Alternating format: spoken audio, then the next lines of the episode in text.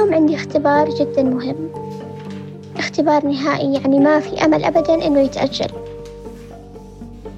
جلست وفي انتظار استلام الورقة ما بين خوف وخجل وتوتر. لحظات صعبة مرت بها أبرار آل عثمان وهي تنتظر استلام ورقة الاختبار ويداها يسيل منهما الدم وصلت الورقة وكتبت اسمي الحمد لله بسلام. والآن أول سؤال. شوية لبلاقي يدي لصقت بالورقة. وأشيلها وأتفاجأ بالدم على الورقة والموية. إيش أسوي الحين؟ أنا أنادي الأستاذة. وش تقول عني؟ والبنات ونظراتهم. بعد أخذ ورد تقرر أبرار إكمال الاختبار. لكن النزيف لم يتوقف والوجع يشتد بها أكثر وأكثر. كملت وجلست أحل وأحل ويدي بتزيد التعب فيها وبتنزف أكثر. أنحت ريقي ماني قادرة أبلع. وقلبي يدق بخوف وبالي عند ماما. طب أنا ليش الحين أحمل نفسي كل هذا؟ بأشر للأستاذة وإن شاء الله تنتبه لي بدون ما البنات ينتبهوا لي كمان. والحمد لله شافتني. وشافت الدم على الورقة والحمد لله غيرت لي الورقة.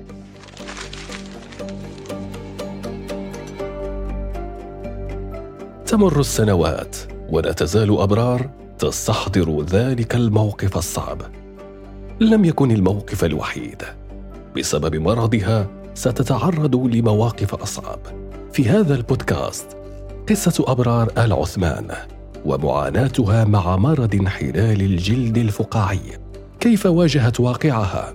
وهل ستنجح في التغلب على مرضها؟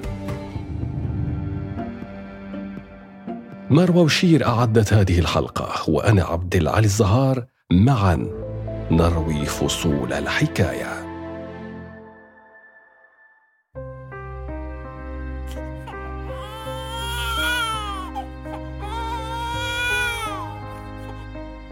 أنا أول طفلة لعيلتي وأول فرحتهم.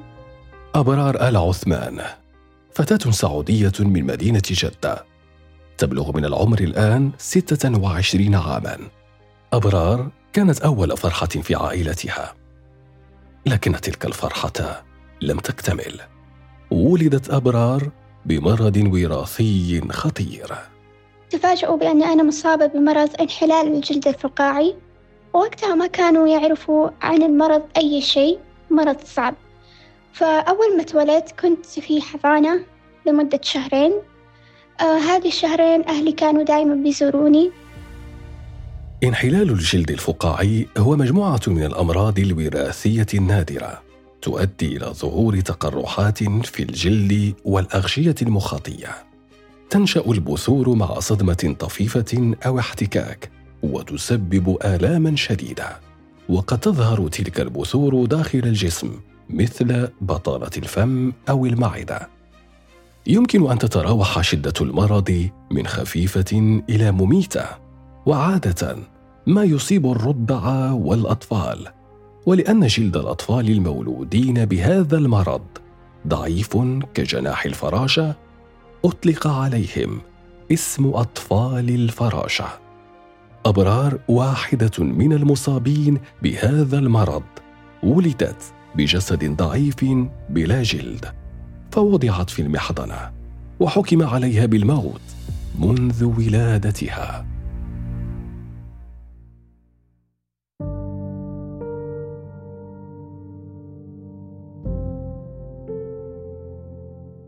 في يوم آه، الدكتور قال لوالدي لا تزوروها هي ما راح تكمل وما راح تعيش آه، حتى للشهر الجاي ولا تتعلقوا فيها ولا إنه تكثروا من زياراتكم. كان صعبا على والدي أبرار تقبل حكم الطبيب على مولودتهم بالموت. لم يمتثلوا لحكمه بل قاموا بإخراجها من المحضنة ووفروا لها عناية خاصة. طلعوني أهلي على مسؤوليتهم والحمد لله باهتمامهم فيني بإيمانهم بربنا أكيد وفي دكاترة يعني كانوا أفضل بكثير من هذا الشخص اللي حكم علي بالموت. الحمد لله أنا عشت وكملت وتعايشت مع هذا المرض. لكن تخيلي لو عائلة ثانية سمعت كلام الدكتور الأول كان فعلا ممكن الطفل ما يكمل بسبب آه يعني سوء التصرف بسبب أنه أهله استغنوا عنه. وعاشت أبرار. لكن طفولتها لم تكن سهلة.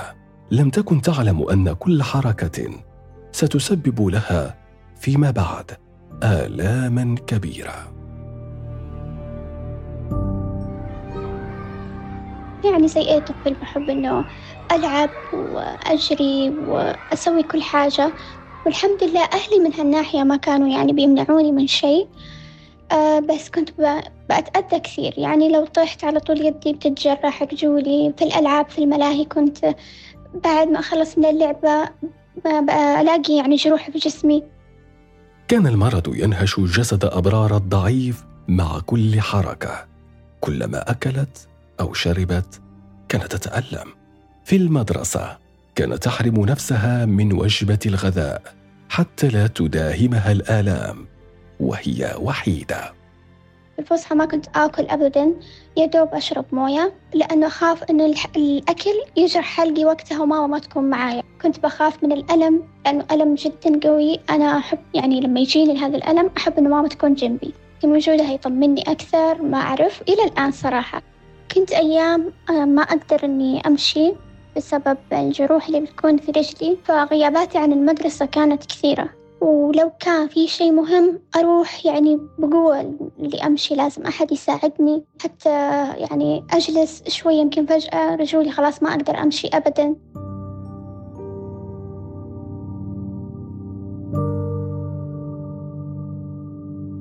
لكن تشبث أبرار بالحياة. جعلها تقاوم مرضها رغم صغر سنها. تستحضر السنوات الأولى لها في المدرسة. تقول رغم كل المعاناة كانت من أجمل الفترات في حياتي. المراحل الأولى من في مدرستي كانت حلوة. الكل كان متقبلني كونت صداقات آه، حتى كانوا بيساعدوني في حمل الشنطة في إنه أشتري أكل يروحوا هم يشتروا من المقصف عشان ما أدخل في الزحمة. آه، يفتحوا لي الموية. أبرار وجدت الرحمة والقبول من زميلاتها في المدرسة لكن الموازين ستنقلب في المرحلة الثانوية وستمر أبرار بمواقف صعبة هي أصعب حتى من مرضها.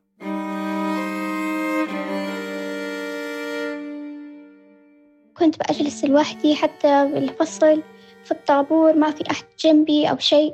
حتى كانوا بيخافوا إنهم يصافحوا وأي وحدة تيجي تتكلم معايا بس بتسأل إيش هذا اللي فيك؟ وكان البعض بيتقرف كان البعض بيخاف. فحتى البعض بيفكر إنه هو معدي. بس أكيد إنه مو معدي. يعني لو معدي أنا ما حط على الناس تعرضت أبرار للتنمر بالنظرات والكلمات. البعض كان يستغرب من شكلها والبعض الآخر كان وقع كلماتهم عليها أشد واقسى من الجروح التي كانت على جسدها. كانت تخجل من أساتذتها وزميلاتها إذا ما أمسكت القلم وسالت الدماء من يديها. كنت في الاختبارات لما أكتب بخاف إنه يعني يدي تنجرح وتصير الورقة فيها دم فهو اختبار وإنه كيف أقول للأستاذة إنه غيري لي الورقة. كنت أخجل يعني من الناس كثير إنه أنا أتكلم. أه لحد ما تيجي هي الأستاذة تيجي وتشوف إنه الورق فيها دم أو موية أه هي بتيجي تغيرها. وأحيانا كان في يعني أستاذات هم بيكتبوا بدالي صراحة. أنا أقول لهم الجواب هم بيكتبوا. ومرت السنوات كبرت أبرار ووصلت للمرحلة الجامعية. لكن بسبب مرضها اضطرت للدراسة بنظام الانتساب حتى لا تجبر على الحضور وتتعرض للتنمر من زملائها بالجامعة.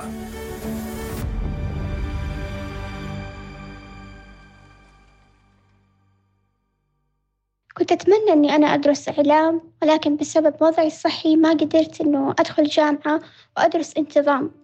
فدرست انتساب وما كان في كل التخصصات. اخترت علوم إدارية إنه بس المهم إنه أدرس وآخذ الشهادة الجامعية. برضو ما كونت صداقات هناك. أروح أختبر وأرجع للبيت. تقضي أبرار أغلب أوقاتها في البيت.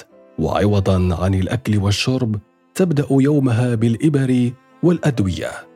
كانت تنام ليلا على الأوجاع. وتصحو صباحا على الدماء.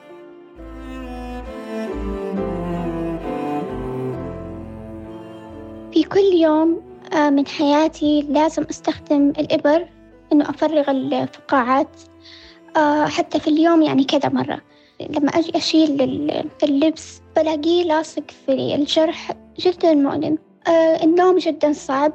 أنام أحيانا بدون ما أحس. لما أصحى ألاقي الفرش كله دم بسبب يعني وأنا أتقلب أو شيء جلدي بينجرح. هذه كلها مؤلمة. اشتد بأبرار المرض. الالتهابات والندبات كانت تغطي ملامح وجهها.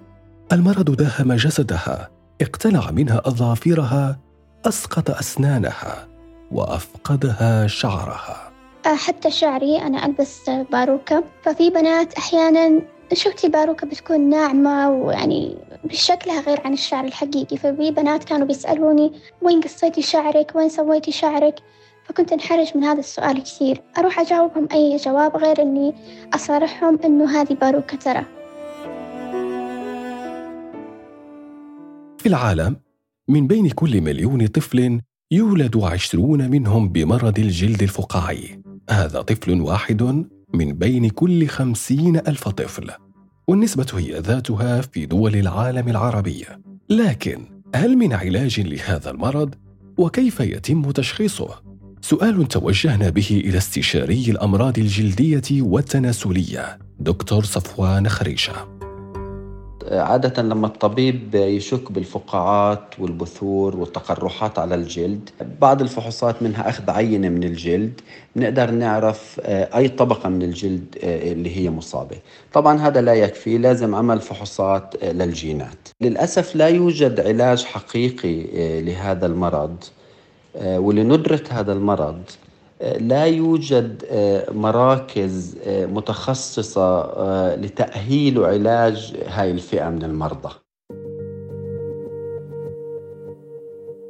أبرار تدرك أن لا علاج لمرضها لكنها تحاول التعايش معه وتحاول التعايش مع مجتمع لم يرحمها ولم يتقبل مرضها. تقول وجدت الرحمة في قلوب أطفال أبرياء حين كنت في المدرسة وفقدت تلك الرحمة حين كبرت. في الأماكن العامة كانوا كثير ناس يطالعوا فيني من بعيد باستغراب وأحيانا بخوف وأحيانا بقرف. فكنت أسأل نفسي إيش الشيء الغريب اللي فيني؟ لهالدرجة يعني بأشوف هذه النظرة. أحيانا بكون بشتري في أي مكان بشتري من مكان كانت في وحدة آه، لفت كذا فجأة شافتني قالت بسم الله وخافت. وكنت أستغرب أكيد في البداية أنه قبل آه أنه ليش لهالدرجة؟ شكلي يخوف لهالدرجة شكلي غريب. بعدين صرت أطنش يعني أحاول أنه أطنش لأنه هذا الحل الوحيد أنه ما فيني أغير الناس ولا فيني آه أنه خلاص أبطل أطلع.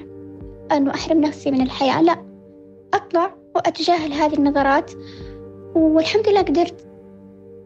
العام 2013 قررت أبرار مواجهة واقعها فوجدت ضالتها في الكتابة. كانت تكتب قصصا وخواطر وتنشرها على حساباتها بمواقع التواصل الاجتماعي دون وضع صورها أو الحديث عن مرضها. كان النشطاء يعرفونها فقط باسمها أبرار. ال social media ما كان أحد يعرف مين وراء اسم أبرار العثمان. ما كنت حاطة صور لي ولا كان ولا عمري يعني تكلمت عن مرضي. بعدين أصدرت أول كتاب وهنا اللي أنا تعرفت على الناس تقربت منهم. هو عبارة عن خواطر. خواطر مختلفة في عن الحب عن السعادة عن الحزن عن الشوق. العام 2016 أصدرت أبرار أول كتاب لها بعنوان في كل قلب حياة جمعت فيه ما كانت تكتبه من خواطر فلقى رواجا كبيرا. التفاعل الكبير حمس أبرار وجعلها تفكر في اتخاذ قرار سيغير مجرى حياتها. قررت أخيرا أن تظهر للعلن وتكشف لمتابعيها عن نفسها وعن مرضها.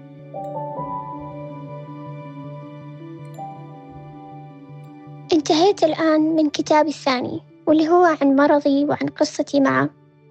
والحين جاء وقت تدشين الكتاب وإنه يظهر للناس وأنا أظهر للناس كمان بس ماني عارفة أحس إني ماني جاهزة. بعد ما كنت متشجعة وكتبت بكل حماس ما أعرف إيش هذا الخوف والتردد اللي جاني. فأنا عندي أكثر من عشرين ألف متابع. مفكريني زيي زي أي بنت. طب إيش بتكون ردة فعلهم لو عرفوا إني أنا مختلفة عنهم كلهم؟ طيب أتخلى عن حلمي وأجلس في البيت ولا خلاص أطلع من الحين وأواجه المجتمع؟ بعد تفكير مطول قررت أبرار كسر حاجز الخوف والتردد وتم فعلا الاحتفال بنشر كتابها إي بي نصف الآخر وفيه كشفت عن قصتها مع مرض انحلال الجلد الفقاعي. الحين أنا بنزل صورتي والأول مرة يعني الله يستر من التعليقات اللي راح تجيني. بدأت التعليقات تكثر والحمد لله كلها كانت إيجابية. يعني الناس تقبلتني وشجعتني. أو لا يمكن إنها تجاملني وتشفق علي. لأنه في تعليقات أنا أشوفها ما أدري أنا حسيتهم إنهم يجاملوني. لم تصدق أبرار كم التعليقات المتضامنة معها والمرحبة بها. لم تكن تعرف هل كانت حقيقة أم مجاملات. أسابيع قليلة تمر وتظهر أبرار مجددا للعلن وهذه المرة صوتا وصورة.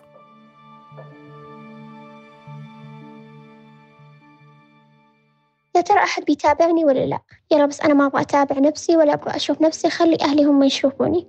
أنا بجلس على الجوال انعرضت الحلقة وانتهت. بسم الله أنا بدخل تويتر الحين. المتابعين في تزايد. والتعليقات ما وقفت. الكل كان بيدعي لي والكل كان مبسوط فيني. وأنا كنت أسعد إنسانة وقتها. لم يكن سهلا على أبرار الكشف عن مرضها. كانت تخاف أن تواجه بعدم القبول والتنمر مجددا. لكن ما حصل هو العكس. أبرار لاقت تفاعلا وترحيبا لم تكن تتخيله وتحولت إلى شخصية مؤثرة في بلدها. بفضل ما دونته من رسائل في كتابها ايبي نصف الآخر. كل ما يصيبك فهو قليل مما يصيب غيرك وحتى أنا أرى نفسي في نعمة عظيمة عندما أرى غيري. أبرار نجحت في كسب محبة الناس لكن بين أبرار وذاتها كلام كثير. أتمنى أني أكون زي باقي البنات. لو كنت زي زي غيري كنت أفضل كنت أسعد كنت أحسن. ونفسي طيب ألبس زيهم نفسي أسوي شعري زيهم نفسي أسوي ميك اب كان في تأثير نفسي يعني قبل كبير بس مستحيل إنه أبينه للناس. مستحيل. آه قدامهم الحمد لله أنا قوية وراضية وكل شيء بس بعدين تراكمات هي يعني كانت في مواقف كثير بعدين أنا أطلع اللي في قلبي إنه أبكي كذا مع نفسي بدون ما أحسس حتى أهلي بهذا الشيء. بقلم كان يجرح يديها تمكنت اليوم من إثبات ذاتها ولا زالت تطمح للتميز أكثر.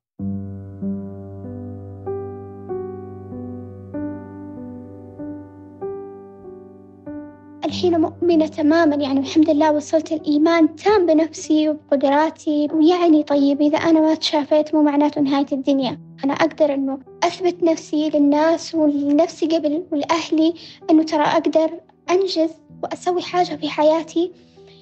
أخلي نظرة الناس لي تتغير.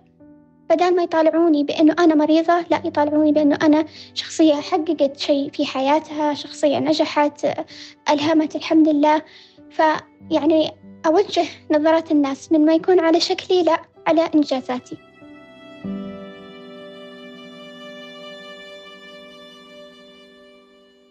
هذه تحيات مروى وشير في إعداد الحلقة وأنا عبد العالي الزهار معا نروي فصول الحكاية. اشترك في الحرة بودكاست على Apple Podcasts و Google Podcasts وتابعنا على Spotify YouTube و SoundCloud. كما يمكنك الاستماع إلينا على راديو سوا.